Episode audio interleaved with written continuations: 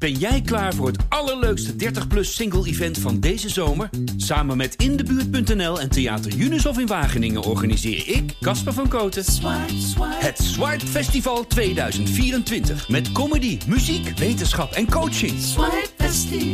Maar vooral heel veel leuke mensen. Bestel nu je kaart op swipefestival.nl. Swipe, swipe.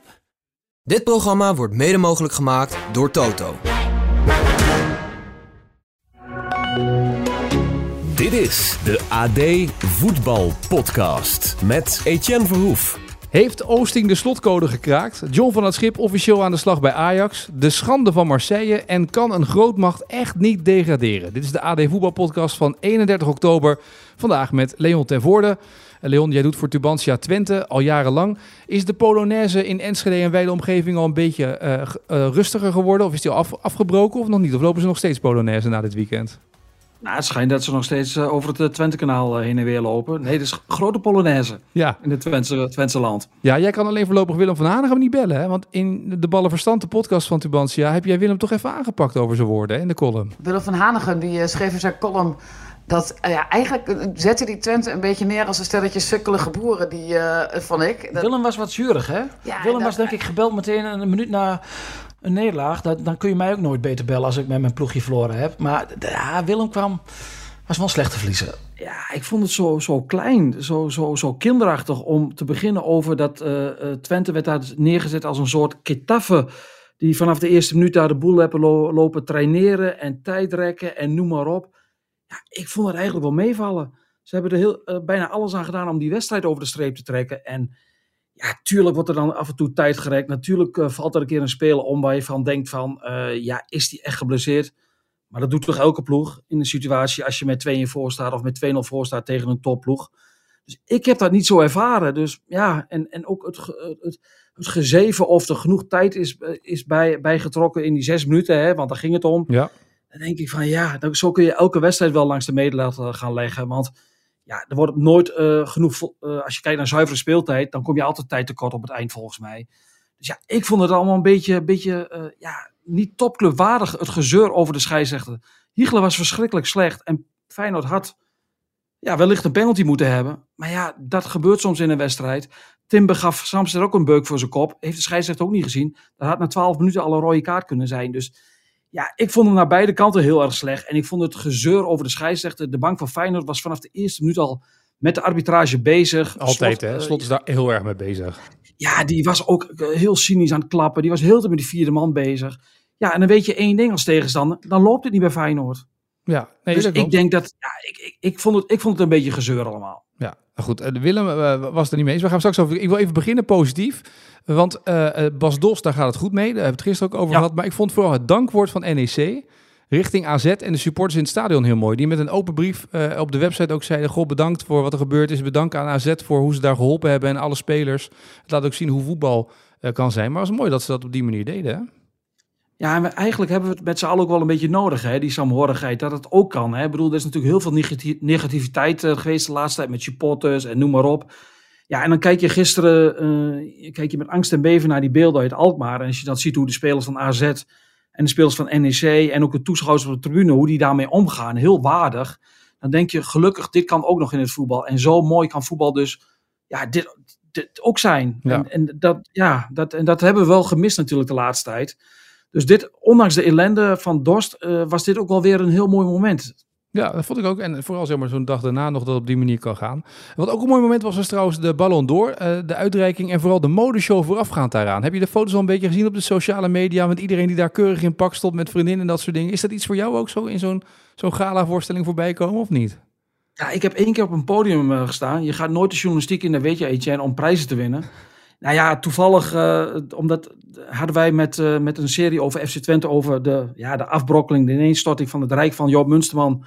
Wonnen wij, daar, wonnen wij ook een prijs, uh, de, de Tegel. En ja, dan sta je daar op het podium. Ja, ik had wel een jasje aan, maar een, een vlinderstrikje of een stropdas is niet aan mij besteed. Ik, ik vond het wel een beetje onwennig. Maar ja, die, die, die, die mannen die zijn gewend aan de spotlights, iets meer dan journalisten gelukkig. Dus ja, ja, ja. Nou, er komt ook wel een modeshowtje een paar adviesjes overheen volgens mij. Want er waren ook een paar die heel onwennig voor die camera stonden. En dachten, ik moet op een rode lopen op de foto op deze manier. Dat is toch, veel sterren doen dat makkelijker, dat soort dingen, hè? Ja, gelukkig maar. Hè? Zij zijn sterren op een andere plek en laten we dat maar zo houden. Dat is waar. we begonnen met uh, Twente Feyenoord. Hè? Heeft Jozef Oosting de slotcode gekraakt? Ja, dat vind ik altijd heel lastig te zeggen op één basis van één wedstrijd. Hè? Want elke wedstrijd heeft zijn eigen verhaal. Ja, uh, Oosting, natuurlijk een heel mooi verhaal om te vertellen dat hij uh, op zijn vrije dag op woensdag zijn vrouw was het huis uit. En toen dacht hij van, uh, ik sluit me maar op in, in een kamertje met twee televisies. En ik ga nog eens wat beelden terugkijken. En hij heeft onder andere de wedstrijd van Atletico Madrid tegen Feyenoord teruggekeken. Waarin Feyenoord heel erg goed was. Ja, daarin heeft hij blijkbaar bepaalde dingen gezien. En vrijdag op de, op de persconferentie zei hij al van... Ja, als je geen druk zet op Feyenoord, dan kom je, dan kom je niet aan de bak. Dan voetballen ze eronderuit. Dus wat deed hij in de eerste beginfase? In de eerste tien minuten, ja, er kwam een Twentse storm. En uh, ze zaten er bovenop, ze zetten heel erg goed druk. Ja, dan moet je een beetje geluk hebben dat je een vroege goal maakt. En het knappe aan Twente was wel dat daarna kwam Feyenoord wat meer in balbezit. En, en waren ze een beetje over die eerste schrik heen, zeg maar. Maar ze kunnen ook terugplooien en, en de, ruimte is heel klein maken om terug te plooien naar eigen helft. En dit Twente beheerst eigenlijk beide. Ze kunnen heel goed druk zetten. Met Oekalde en met de buitenspelers, dat zit er echt heel erg goed in. Ploegen die gaan opbouwen in de vesten hebben vaak een probleem. Op een of andere manier, heel veel ploegen blijven het, toch doen. En dan heb ik het niet over Feyenoord of PSV, maar ook de, ook de andere clubs waar je van denkt van, ja, kijk je niet naar die beelden. Geef die bal maar een keer lang. Maar Twente beheerst dat om, om ook in een wedstrijd weer terug te gaan naar eigen helft. En van daaruit weer druk te gaan zetten. En dat deden ze heel erg goed. En ja, ik vond Twente, en dat klinkt heel gek, want in voetbal draait het om de bal. Maar ik vond ze echt heel erg goed zonder bal. Ja, en ik denk dat ze daarin, na dat goede begin aan de bal, dat ze daarmee de wedstrijd hebben gewonnen. Want ja, ze hebben niet, ja, Unistal redt twee, uh, twee ongelofelijke, eh, ongelofelijke reflexen heeft hij.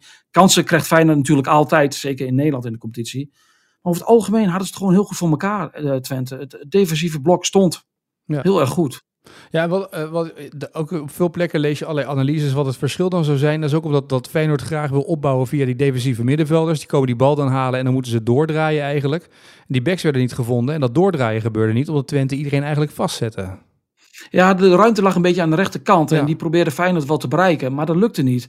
Ja, dat deden ze heel goed. Uh, Twente schermde de ruimtes goed af. Op het middenveld, Sidelek was geweldig. Die speelde echt een hele sterke wedstrijd. En ja, Ugalde was natuurlijk de horsel die, die, die iedereen gek maakte. En dan zie je toch dat midden Zuid-Amerikaanse temperament. Wat, wat wij in Nederland toch heel vaak missen. En ja, die was zo in de goede zin van het woord vervelend voor het centrale duo eh, van Feyenoord. Dat toch echt ontzettend goed in vorm is al anderhalf jaar lang. Maar die werd gek van hem. Die, die horsel die bleef maar rondzoomen. Ja, en dan dachten ze dat ze de boel hadden opgelost. En dan kwam die weer, uh, kwam die weer voorbij. En dat was wel essentieel in deze wedstrijd. En hij stond wel symbool voor, uh, voor voor het FC Twente van zondagmiddag tegen Feyenoord. Ja, maar dan ben je de trainer van Herenveen of je bent de trainer van Go Ahead Eagles of je bent de trainer van Sparta. Dan pak je deze wedstrijd erbij. Kan elke ploeg dit in de eredivisie om zo te spelen tegen Feyenoord? Vroeg me gelijk af. Nee. Nee, dat, kan, dat lukt niet. En ja, kijk, ik zeg ook altijd als topclubs verliezen in Nederland, dan moet je ook altijd, dan kijk, ligt het heel vaak ook aan de topclub zelf. Hè? Daar begint het vaak mee. Hè? Ik bedoel, anders als je, als je het bij het goede Ajax won, ja, dan was Ajax had vaak wel een mindere dag als je als subtop of middenmotor daar won. Zo eerlijk moet je ook zijn. Ja, heel veel ploegen hebben ook niet de kwaliteit van Twente en die kunnen ook de intensiteit niet opbrengen van, van, van, van Twente. Dat zit er gewoon heel erg goed in, in het DNA van dit elftal. En dat, uh, die ploeg is al een tijdje bij elkaar. Ja, en, die, en die, uh, die, die, dat, het, het, is echt een team. Het is ontzettend cliché, maar de, de teamgeest van Twente is uitstekend. En op dit soort dagen is dat echt een wapen. En nee, dat kunnen niet alle clubs. Dat zijn toch altijd spelers die vroeg of laat of na 20 minuten dan toch verzaken. Ja, en dan een ploeg als Feyenoord, die hè, weet er vaak dan toch net die ruimte te vinden. Omdat één speler net ligt te pitten. Ja, en bij Twente is dat, uh, op een goede dag heeft Twente dat heel goed voor elkaar dat dat niet gebeurt. Nee, maar Peter en die dag hadden ze zondag. Ja, maar Peter Bos zou wel met interesse hebben gekeken naar dit duel, denk ik dan toch gelijk analytisch. Ja, over een paar weken komt PSV naar, uh, naar uh, Enschede. En dan wordt het natuurlijk wel heel interessant van, blijft hij ongeslagen, ongeslagen status dan ook overeind? Want dan hebben ze ongeveer in anderhalf jaar alle clubs uh, verslagen in Enschede. PSV vorig jaar ook al, Ajax twee keer, nu Feyenoord. Ja, 23 wedstrijden zonder nederlaag in de competitie in de eigen grolsvesten. Ja, dat zijn wel ongekende cijfers. Ja, en PSV kan ook, Peter Bos kan ook gelijk leren weer van Twente. Want een week later speelt PSV dan tegen Feyenoord. Dus het wordt sowieso überhaupt interessant of hij uit deze wedstrijd dingen kan halen voor uh, PSV weer in de, in de strijd om de titel.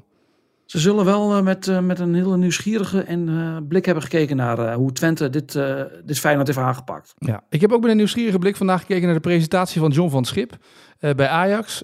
die op die perspresentatie ook vrij duidelijk was over zijn keuze. Want Maarten Wijfels zei van de week al heel voorzichtig. Weet je, moet je het iemand die net zijn vrouw verloren is aandoen voor deze keuze stellen om een club, jouw club in nood te helpen, ja of nee? En op die persconferentie liet hij uh, weten, en daar hadden we het vorige week ook over, hij heeft het met zijn vrouw besproken. Uh, nou ja, ik ben gevraagd om, uh, om over na te denken om te helpen binnen het Ajax management. En daar heb ik dan gesprekken over gehad. En daar is iets uitgekomen waar ik heb gezegd van nou dat lijkt me leuk, dat ga ik doen. En in de tussentijd gebeurden er meerdere dingen. En uh, op een gegeven moment kwam ook de vraag van ja, hoe sta je erin mocht dat gebeuren? En daar heb ik ook gewoon heel eerlijk op gezegd. En ook thuis. Want ik had natuurlijk een thuissituatie wat, uh, met mijn vrouw. Iedereen weet dat denk ik inmiddels. Uh, goede gesprekken met haar over gehad. En zij heeft gelijk vanaf het begin gezegd, doen. En uh, er vol voor gaan. En dat gold voor het eerste traject, zeg maar, dit eerste aanbod. En dat, zeg maar, wat ze wilde met me. En ook eventueel in het ja. geval dat ik ja, over zou moeten nemen van, een, uh, van Maurice. Wat prachtig dat je dat kon bespreken. Ja, dat hebben we nog mooi met elkaar kunnen delen. Ja, ja. ja. dat is ook een, een mooie manier om ermee om te gaan. maar het heeft wel degelijk meegespeeld dus ook bij hem om het dus wel te doen. Ja, het is voor buitenstaanden die, die, die dit niet hebben meegemaakt, ja, heel lastig om hier iets van te vinden of om over te oordelen. Dat is, ja, ieder mens gaat op zijn eigen manier mee om. Ja, ja dat is zo lastig. Aan de ene kant kun je zeggen van, oh, wat haal je hè, op de hals met een club als Ajax in deze positie om het te doen? Ja, ja zeg maar, wat is wijsheid? Ik, ik vind het heel lastig om hier iets van te vinden. Ik snap beide partijen, ik snap beide kanten van het verhaal, maar uiteindelijk moet iedereen zijn eigen beslissing nemen in het leven. En ja, hij denkt dat hij het aan kan, dit, om, om het nu uitgerekend nu te gaan doen. Hè? Want het is ook niet zo dat je een Ajax in de schoot geworpen krijgt, krijgt dat op een keurige tweede plaats staat. Op één punt van de kop lopen. Nee, het is de moeilijkste nee, klus Ajax ongeveer, Ja, het is de moeilijkste klus waar je ongeveer aan kan gaan beginnen. Ja, ja, absoluut. Ja, ik ken Van Schip natuurlijk uit zijn, ja. uit zijn beginperiode. Toen, ja, toen, daar kun je natuurlijk niet meer mee vergelijken. Hij heeft ondertussen natuurlijk veel meer bagage. Het is een verschrikkelijke aardige man. Uh, als je iemand het succes gunt, dan is het John van Schip. Maar ja, bij Twente is het niet helemaal goed gegaan toen. Naar aanleiding van een gesprek met een journalist. Nee. Wil je nog op terugkomen of niet? Nee, ja, hij is al vaak genoeg. Hè? Nee, dat, is ook niet moeten zeggen. Sorry. Nee. nee, maar goed. Nee, maar het is, toen, toen, ja, toen vond ik, had ik ook al met hem te doen. Ja, toen zijn Scott Boet gewoon op een parkeerplaats uh, tegen, tegen mij van... Uh, ja, de trainer leert meer van ons dan wij van hem. En dan mag je opschrijven. Ja, dat heb ik nog nooit eh, eerder gehoord dat een speler tegen mij dat vertelde. Nee, nee meestal zeggen ze dat niet uh, on the record, maar meestal off the record, hè? Dat soort verhalen. Ja, ja af en toe. Nou, zo extreem heb ik nog niet vaak meegemaakt, hoor. Nee, precies. Maar, maar wat Schip uh, jaren later en verder uh, wijzer geworden. Maar in deze fase aan de slag bij Ajax... Ja, waar begin je op je eerste werkdag, vraag me dan af. Want je ziet die club voetballen, je ziet het elftal voetballen. Waar begin je? Ja, ik denk dat hij na gisteren heeft gedacht van... ik moet in ieder geval twee nieuwe backs opstellen tegen Volendam. Laten we daar, daar eens mee beginnen. Dan zijn we misschien al een heel eind. Ja, het, het, het, het, is, ja, kijk, Ajax blijft niet op die plek staan. Dat, uh, dat, uh, dat weten we allemaal. Maar ik geef je maar te doen om naar dat linkerrijtje te komen. Dan hebben ze wel, ik durf het bijna niet te zeggen, maar een relatief makkelijk programma tot aan de winterstop. Ja. Ze hebben de, de zwaarste obstakels wel gehad. Maar ja, als ze donderdag ook niet winnen van Volendam, dan denk je wel van waar gaan ze de punten nog wel pakken voor de winterstop? Nou, dat is het. Ik bedoel, dit elftal krijgt wel wat kans natuurlijk tegen PSV, hebben we dat gezien. Uh, maar, maar krijg je dat in elke wedstrijd zoveel kansen? Dat is een beetje de vraag, toch? Want zoveel kansen kregen ze in de andere wedstrijden ook niet.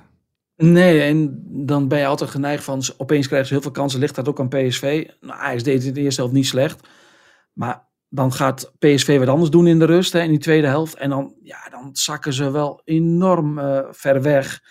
Ja, en dan blijkt ook wel hoe broos alles is, uh, is in Amsterdam op dit moment. Dus ja, het, het is een immense klus, want ja, iedereen verwacht eigenlijk nog dat ze bij de eerste vijf gaan komen. Maar ja, de eerste vier gaan ze denk ik al niet meer halen. Want dan moet je al vijf wedstrijden meer gaan winnen dan AZ, uh, eh, Feyenoord en Twente.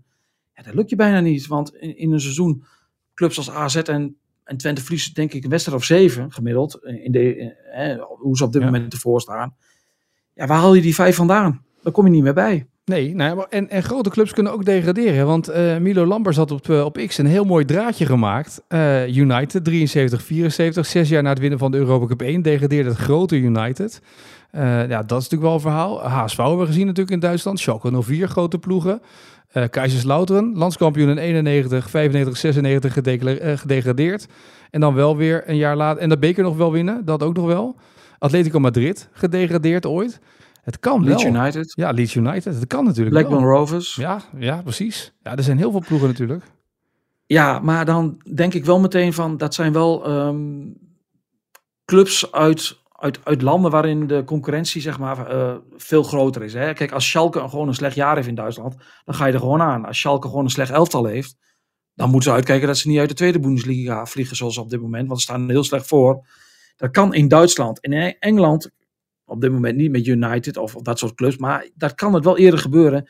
Ja, in Nederland, een club als Ajax heeft natuurlijk wel te veel kwaliteit. En de rest is zoveel slechter dat dat niet gaat gebeuren. Maar ja, het, het, het zijn wel roemruchte namen. Het is wel leuk om dat lijstje erbij te pakken. Saint-Etienne. Ja, Saint-Etienne zit er ook bij. Ja, oh, precies. Die speelt Ja. ook weer uh, in de Ligue En hoe is het met de Deportivo La Coruña? Ja, ja uh, ook niet best, hè? Nee, dat, dat soort dingen.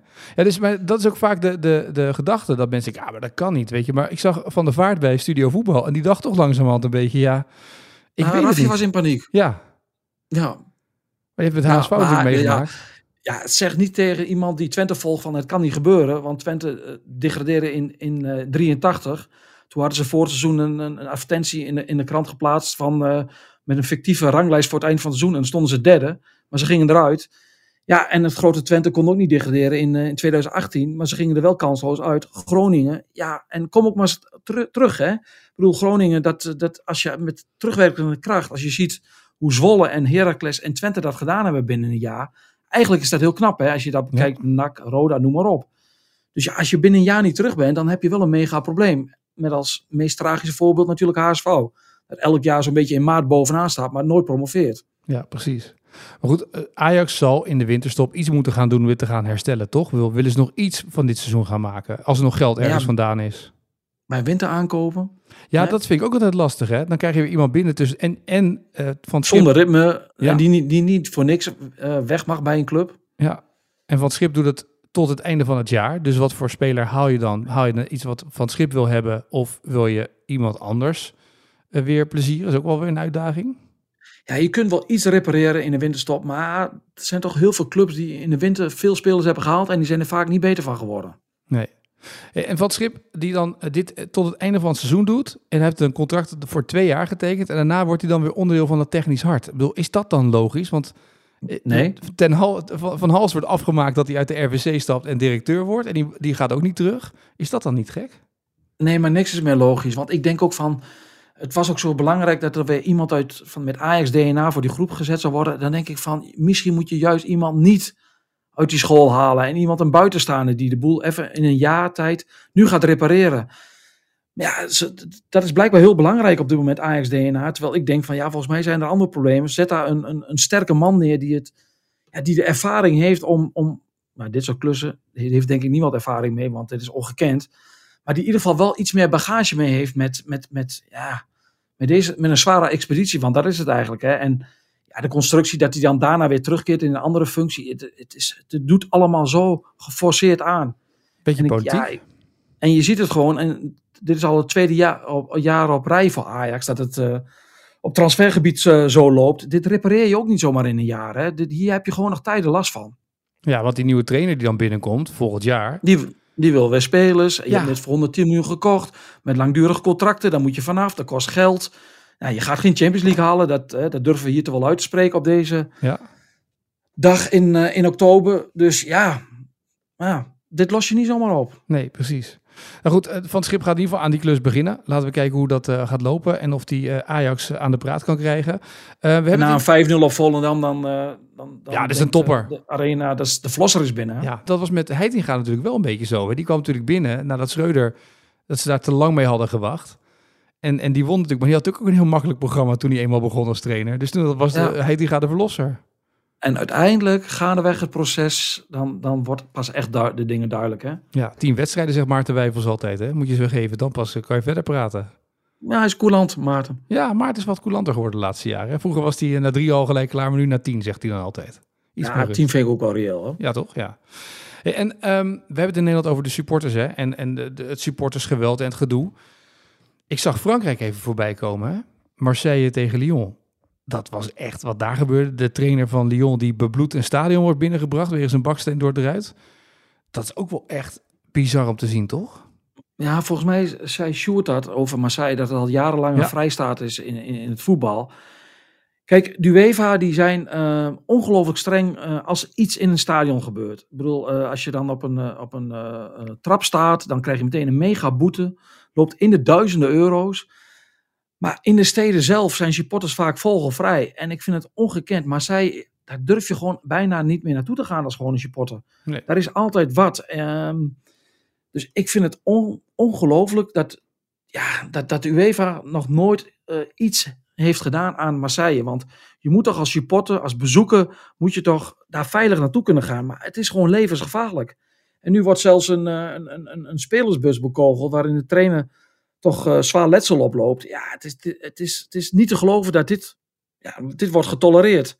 En nogmaals, als je een, een sterretje afsteekt in het stadion, dan krijg je 20.000 euro boete. Maar uh, in Marseille kan, kan, kan gewoon niemand meer over straat lopen als je een sjaaltje hebt van een andere, andere club. Het is, dat geldt voor meer steden. Hè? Ja. Ik ben in Parijs ooit geweest. Nou, ik heb nog nooit iets meegemaakt wat, wat daar gebeurde. Maar um, ja, dat zijn bizarre tafereelen en het houdt maar niet op. En Marseille komt er blijkbaar altijd mee weg. Maar ja, het interessante wordt natuurlijk nu, als je nu zelfs de, de trainer van de tegenstander eigenlijk dusdanig toetakelt door, door dit geweld, of je als Franse voetbalbond het nog kan volhouden dat je Marseille in een competitie kan houden. Ik weet niet of ze bijvoorbeeld een voorwaardelijk hebben, maar het, het, is natuurlijk heel lastig, denk ik, juridisch, om te zeggen van dit is buiten het stadion gebeurd. Hè? Ja. Uh, of, of je daar de club dan aansprakelijk voor kunt stellen. Dat weet ik niet of je dat hard kunt maken. Ja, we weten allemaal dat Marseille sporters zijn geweest en dat er een spelersbus is van Lyon. Trouwens, een hele grote club ja. die onderaan staat. Ja. Hè, die, kunnen, die, kunnen, die gaan er dit jaar waarschijnlijk uit. Maar ja, dat, dat is denk ik heel moeilijk om dat, uh, om, om dat juridisch te staven. Maar je zou toch wel denken van, jongens, uh, dit, dit, dit, Marseille mag wel een keer een knauw hebben, denk ik. Ja, vorig jaar was het ook zo'n aantal wedstrijden van Marseille... waarin uh, op het veld, dat ze het veld op gingen, dat mensen werden aangevallen en dat soort zaken. Dus het is niet nieuw bij Marseille inderdaad, wat Sjoerd ook al zei. Ik geloof dat ik binnen een jaar niet naar Marseille hoef, dus ik durf het hier te zeggen. Ze zijn daar knettergek. Ja, ja hey, volgende loting, Twente Marseille, krijg je dat zo meteen. Nee, die, die oh ja, volgens zo, hè? Want ja, ze hebben al bijna Europees voetbal als je nu vier Ja, daarom, dus dat gaat zo meteen gewoon gebeuren, let op. Nee, is niet handig. Kan nee, dit eruit? Ja, ik knip dit er wel uit voor je, dat is goed. Tegen nee, laat maar staan. Ja? Nee, nee, maar dat, staan. Lyon, ik, ik, zag ook die uitsupporters van Lyon, die zaten in dat vak daarboven en die hoorden dus ineens dat hun spelersbus was aangevallen. Die werden ook helemaal gek in dat vak natuurlijk. Ook dat is natuurlijk, ja, dat is uh, krankzinnig zo'n wedstrijd eigenlijk, als je het over geweld hebt. Ja, dat was ook wel een beetje hypocriet vorige week. Hè. Toen kreeg de PSV natuurlijk de, enorm van langs in de Franse pers ja. met die rellen. Op basis van die wedstrijd natuurlijk volkomen terecht. Ja. ja, en er werd natuurlijk ook bij gezet dat Nederland grote supportersproblemen heeft. Dat gaan we hier niet ontkennen. Maar Frankrijk, poeh. Ja. Hè, de Saint-Etienne, Bastia, noem maar op. Olympique Lyon, Marseille, Paris Saint-Germain. Ja, die kunnen er ook wat van. Ja, nee, dat is, dat is zeker een feit. In de spiegel kijken, Fransen, dat doen ze meestal alleen maar om te kijken of hun haar goed zit. Maar voor de rest hebben ze wat, daar wat meer moeite mee. Hè? Ja, maar ik ben echt wel benieuwd inderdaad wat, wat, uh, wat de UEFA hiermee zou gaan doen. Want dit, dit kan je niet natuurlijk vol blijven houden. Dat is lastig in dit soort dingen. Nee, dit, moet dit, hier moet iets aan gebeuren. Alleen ja, wat hè? Ja, ja dat is het inderdaad. Ja. Dat is ingewikkeld aan dit soort dingen. Wat ga je eraan doen? En, uh, en, en wat, ga, wat kunnen ze juridisch doen? Want daar zit wat je zei, dat is terecht. Uh, ja, wat is het juridisch? Wat kan je eraan doen? Ja. Ja, dat is waar. Het is ook een beetje de week van bekervoetbal, hè? maar al die amateurclubs komen nu een beetje in actie. Hebben jullie ook druk met, met bekers of niet? Um, ja, Heracles heeft een lastige uitwedstrijd. Iets ja. verderop in Hardenberg, club van Edwin Evers, HHC, ja. toch een gerenommeerde tweede divisionist. Ja, dat lijkt me niet zo'n lekker potje op woensdagavond. Nee, nee, dat lijkt me ook niet. Nee. Overigens had Mikkel... Potentiële bananenschil. Oeh, mooi dit. Ja, daar komt hij. Dat is de potentiële bananenschil. Overigens ja, die moeten wel in de, in, de, in de tweede ronde moeten we die wel gaan gebruiken, één keer. Ja, vind ik ook wel, ja. Ik moet één ding trouwens nog... Uh, Leon Kingma zei het gisteren terecht. Uh, gisteren had Mikkels het over de goal van Ron Vlaar. Uh, dat hij zei dat het tegen Hardenberg was, maar dat was tegen Harkema's Boys. De goal vanaf de middenlijn, die werd, werd binnengeschoten door Vlaar. Maar Mikkels zei dat het tegen Hardenbergen was, maar het was tegen Harkema's Boys. Veel mensen die er op Twitter en op Instagram nog op terugkwamen dat het toch echt een andere wedstrijd was. Dus dan hebben we dat ook. Voor Mikkels is Harkema en Hardenberg liggen zo een beetje naast elkaar, hè? Ja, tuurlijk. Alles verder dan maar sluis, hè? Ja, nee, dat komt hij niet. Nee, dat is waar. Nee, komt wel Hij was gisteren ook klaar in het stadion, dus ik denk al dat hij verdwaald was. Denk je dat hij verdwaald was? Ja, nou, ik, ik, ik hoorde Wesley Sneijder eh, vanavond op televisie. Die zei van ja, Feyenoord, heel eind in de bus, verre uitwedstrijd. eh, dus dat had allemaal een rol gespeeld. Maar eh, ja, ja, ja, afstand in Nederland, dat valt toch allemaal wel mee. En Ja, bovendien, twee- was op zaterdagmiddag al in Enschede. Ja, daarom. Dus dat valt allemaal best mee inderdaad, ja. Goed, hey, tot slot, eh, over Mikkels gesproken gaan we maar naar de vraag van vandaag, toch? De vraag van vandaag.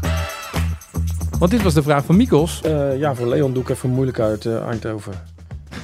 Lozano, de, drie goals hè, tegen Ajax, hat-trick. Er waren twee PSV'ers eerder. Misschien dat het vanavond in al die eh, programma's al voorbij is gekomen, maar we kunnen niet alles volgen. Maar misschien Leon wel.